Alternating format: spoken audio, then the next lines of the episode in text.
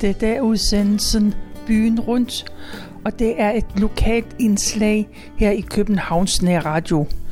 Mit navn er Tove Christensen, og jeg har været på hjemmesiden dengang.dk, og der har jeg fundet en historie om kvinderne i Peder Massens gang.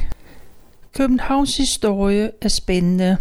Den er domineret af fortællinger om konger, om adel og om jævne folk, og så om alle de skønne bygninger, der er.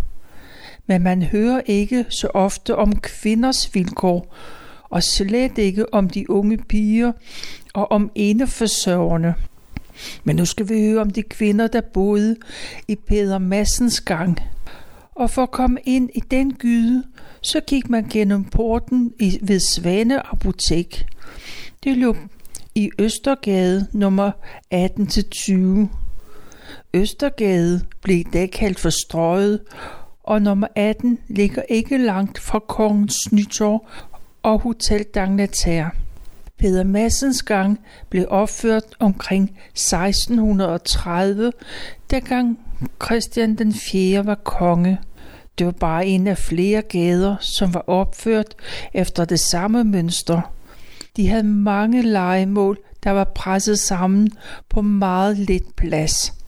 I området var der nissegangen, Didrik Brammanns gang, trompetergangen, Peder Roders gang, malernes gang, smedens gang, for bare at nævne nogen. Ofte var der også ulovlige tilbygninger, som var klistret på i husene. I 1600-tallet var det almindeligt at bygge små etværelseslejligheder. De var sjældent mere på en 20 kvadratmeter og var beregnet til de jævne familier. Flere lejligheder måtte deles om et køkken. Der boede mange kvinder i Peder Massens gang. Flere af dem boede alene sammen med deres børn, eller de boede med andre kvinder. En del af kvinderne levede helt eller delvis af prostitution. 150 år senere, sidst i 1800-tallet, der boede der 750 mennesker i gadens 70 ejendomme, og borgerrepræsentationen besluttede at sanere området. Det omfattede også det gamle Hotel Dangleterre og øh, nedrivningen af hovedvagten. Man opførte to nye gader. Det var Ny Østergade og Hovedvagtsgaden. På den tid skød der en masse etageejendomme op på Nørrebro og på Vesterbro. De øh, var simpelthen ikke så forfærdeligt meget bedre end de lejligheder, som blev revet ned. De var bygget af dårlige materialer og øh, ikke ret meget større. Slummen var flyttet ud på den anden side af voldene. Men for at komme tilbage til Peder Massens gang. Man gik 30 meter langs apotekets sidehus, og så var man i baghuset til nummer 7.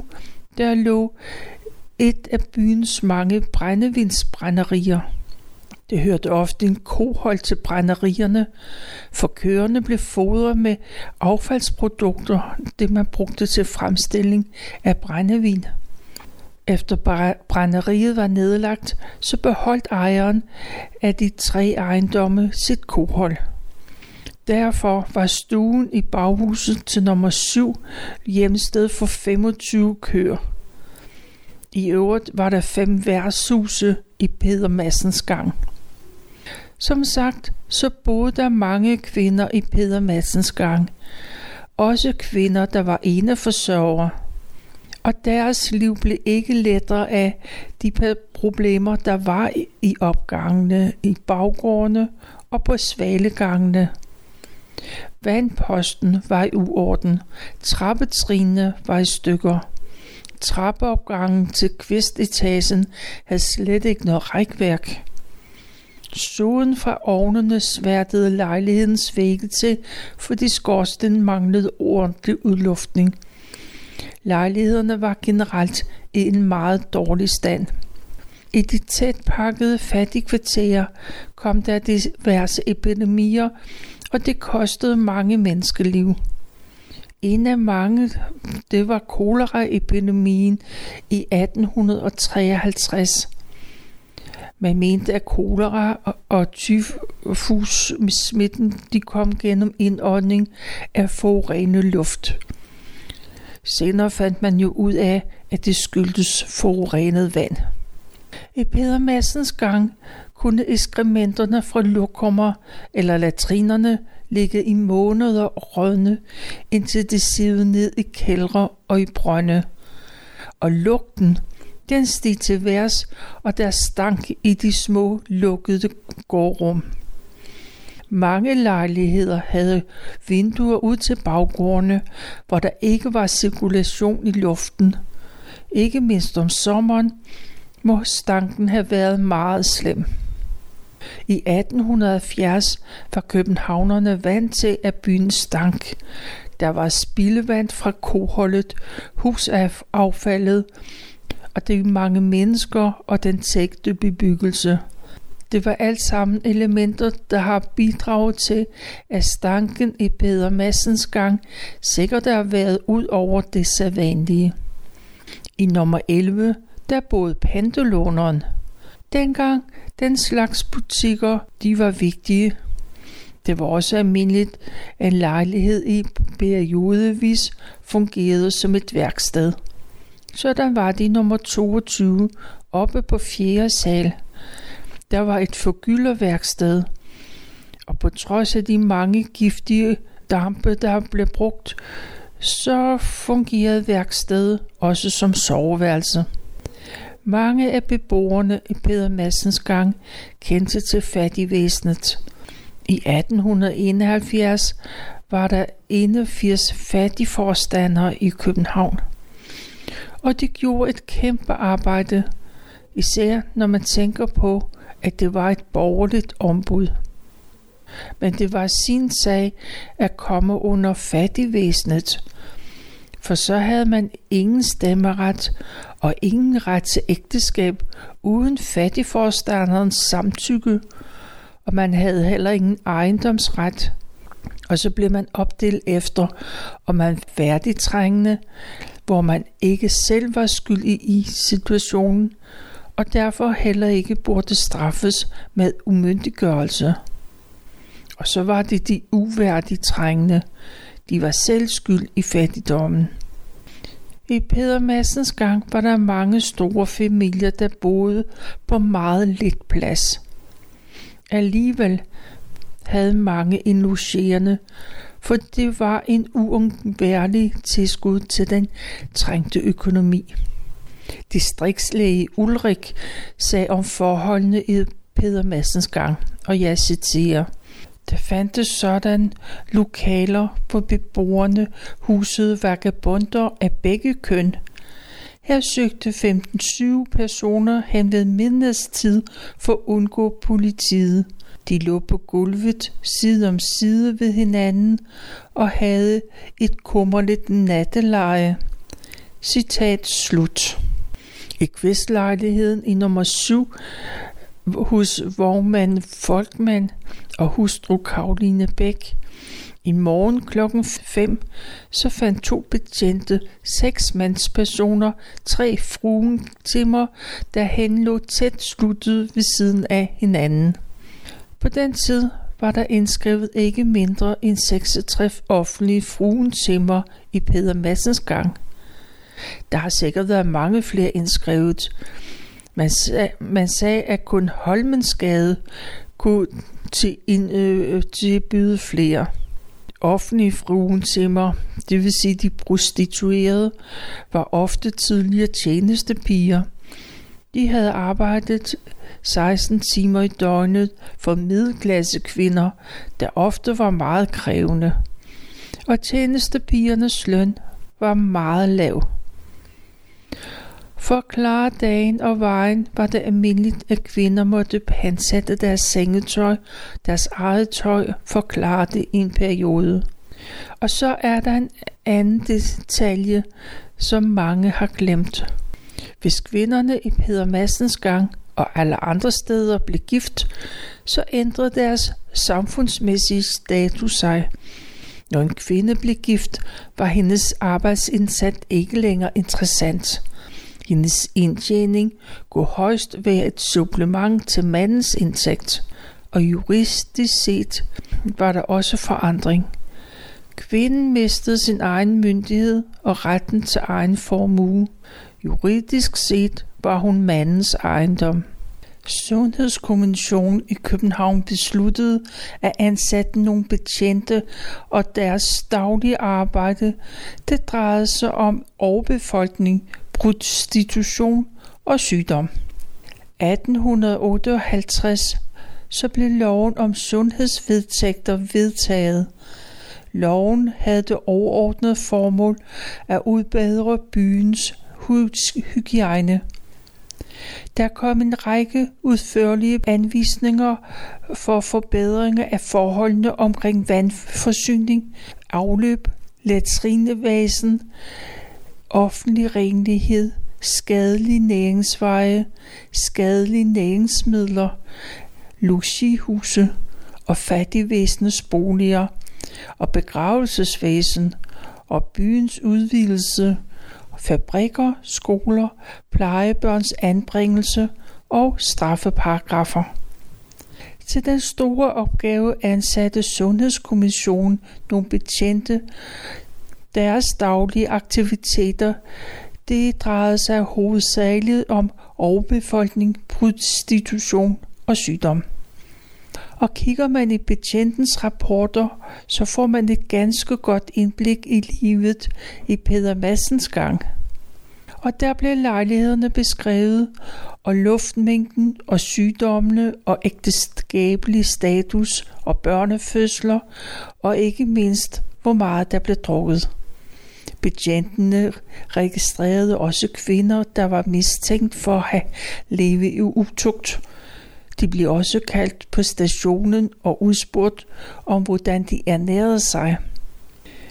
Indtægten for en arbejderfamilie var slet ikke tilstrækkelig, heller ikke for dem, der boede i Peder Massens gang. Ofte kunne man skære ned på maden. Det var en sparemetode, der førte til sult. Når sulten blev en del af hverdagen, så kom fattighjælpen på tale og det gjorde den for mange i Peder Massens gang.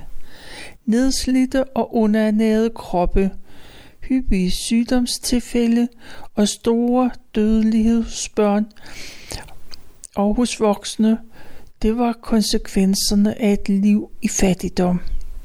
Avisen Dagens Nyheder skrev i 1870 om en fruetimmer, der var mistænkt for, som der stod, bedrageri med lejede klædestykker.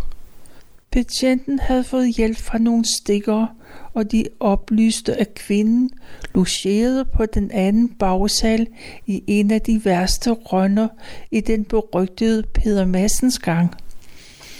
Betjenten og en kunne kollega beskrev deres besøg i ejendommen sådan – det var så mørkt, at de måtte tænde deres blindlygter for ikke at risikere at brække arme og ben på den faldefærdige hønsestige, hvor der var et smudsigt tov i stedet for et rækværk. Endelig nåede de op til anden bagsal, og de fik den ormstukne dør lukket op. Den havde hverken lås eller slå og så kom det ind i et lille, mørk, stinkende rum med sprunkne vinduesruder og aldeles blottet for møbler. I en krog under vinduet lå et par stråsække, og rodet ind imellem den, tæt dækket med en vemmelig huben pjalter og klude. Der lå en fruetimmer, der ikke engang havde de allernøde tørstige klædningsstykker på, så hun kunne dække sit nøgenhed. Da hun straks tilstod sig skyldig i den sigtede forbrydelse, fik betjenten med meget møje og besvær lånt nogle pjalter til hende, og så kørte hende der til øh, politikammeret, hvor hun straks blev overført til politiarresten, hvor hun, som hun selv sagde, for første gang efter 14 dages forløb fik et ordentligt portion varm mad og kom til en ordentlig seng. Det var betjentens rapport. Den beretning har sikkert fået de pæne mennesker, der læste den til at gyse. Og det har sikkert også været hensigten. Sundhedspolitiet undersøgte forholdene nærmere. Det viste sig, at det lille værelse blev beboet af to ugifte tvillingesøstre, Emilie og Ida Krøjte, der var 37 år, og Idas barn på et år boede der også. Betjentene fandt, at værelset havde tilstrækkeligt lys og luft igennem et vindue med fire ruder, der var til åbne, og det hele var god og ren i stand. Men der var ikke noget kakkelovn. Det må der have været i koldt, også når man tager i betragtning, at det var midt i december. Betjenten sluttede sin rapport om besøget med at skrive. Efter det var mig blevet meddelt, og efter hvad der er oplyst, så har der så stået i avisen usandhed ord til anden. Sandt var, at kvinden var blevet anholdt. Hun hed Dorte Bergstrøm. Otte måneder senere blev Ida Krøjte og hendes barn indlagt på kommunehospitalet med tyfus. På grund af smittefaren kom distriktlægen F.F. Ulrik og inspicerede lejligheden, og han skrev, Det var stor armod, og bien ejede ingenting. Lejligheden trængte i høj grad til at males, jeg må derfor anmode om søstren Emilie for en bolig på fattigården. Citat slut. Den samme dag blev lejligheden visiteret af betjent J. Christensen fra Sundhedspolitiet, der langt fra fandt forholdene så kritisable, som Ulrik gjorde. Af Christensens rapport fra gik det, han havde talt med husverden Sandgård, der var vidne om, at begge søstre boede på værelset, selvom det egentlig var for småt. Sandgård fortalte betjenten, han havde tilladt dem at bo der, fordi disse søstre, søstre altid holdt det rent og ordentligt hos dem, fordi der var adgang til det store køkken. Den omtalte artikel i dagens nyheder efterlod det indtryk, at der i Peder Madsens gang boede uværdigt fattige, og derefter lod også det indtryk, at den private velgørenhed ikke hjalp spor.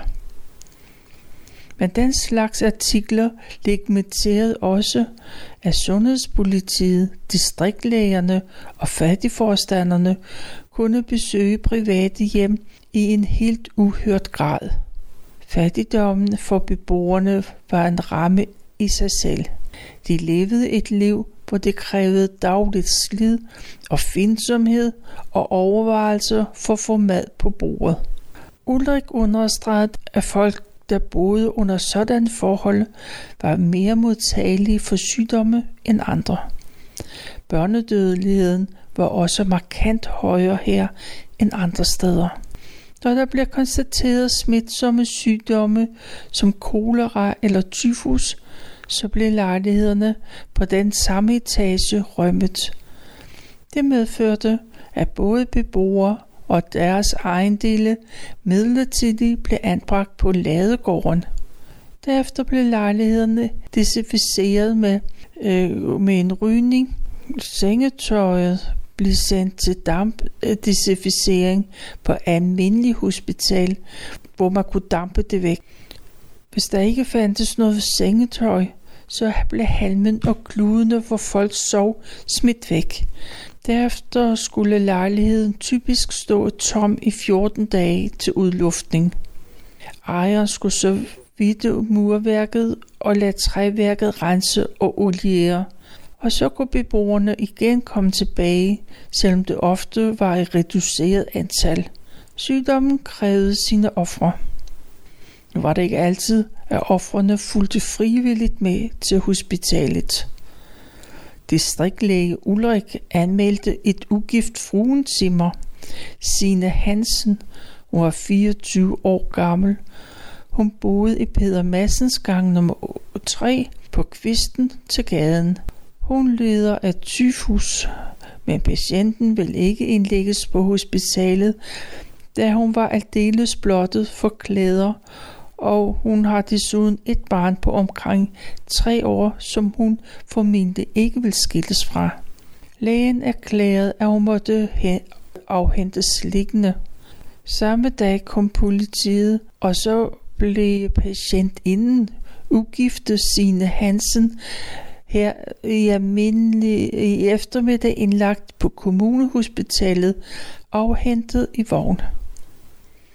At komme på sygehus var generelt forbundet med angst, både fordi det var fremmed, og man var bange for, at der ville ske med resten af familien, hvis man altså havde en. Omkring øh, 1870 var der ikke nogen medicinsk grund for at behandle folk på hospital. Hospitalsvæsenet var ikke så udbygget, at man kunne tilbyde en behandling som et alternativ til det, som lægen kunne tilbyde i hjemmet. Derfor var sygehusene indtil 1880 en del af samfundets løsning på et stigende antal fattige. Indlæggelsen var den billigste måde at hjælpe proletarerne på. Privat lægehjælp det var forbeholdt for de velhavende. Hvis man i dag går på strøget, kan man slet ikke forestille sig 1800-tallets slum og de forarmede beboere. Nedrivningen af Peder Massens gang, det var kun begyndelsen på en lang række saneringer i den indre by.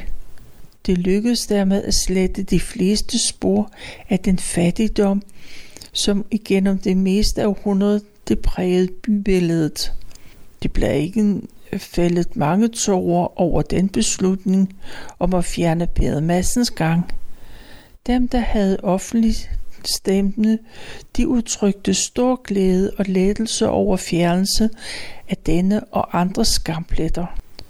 Bordellerne de blev pludselig lukket i Peder Massens gangen, og det gik sådan til.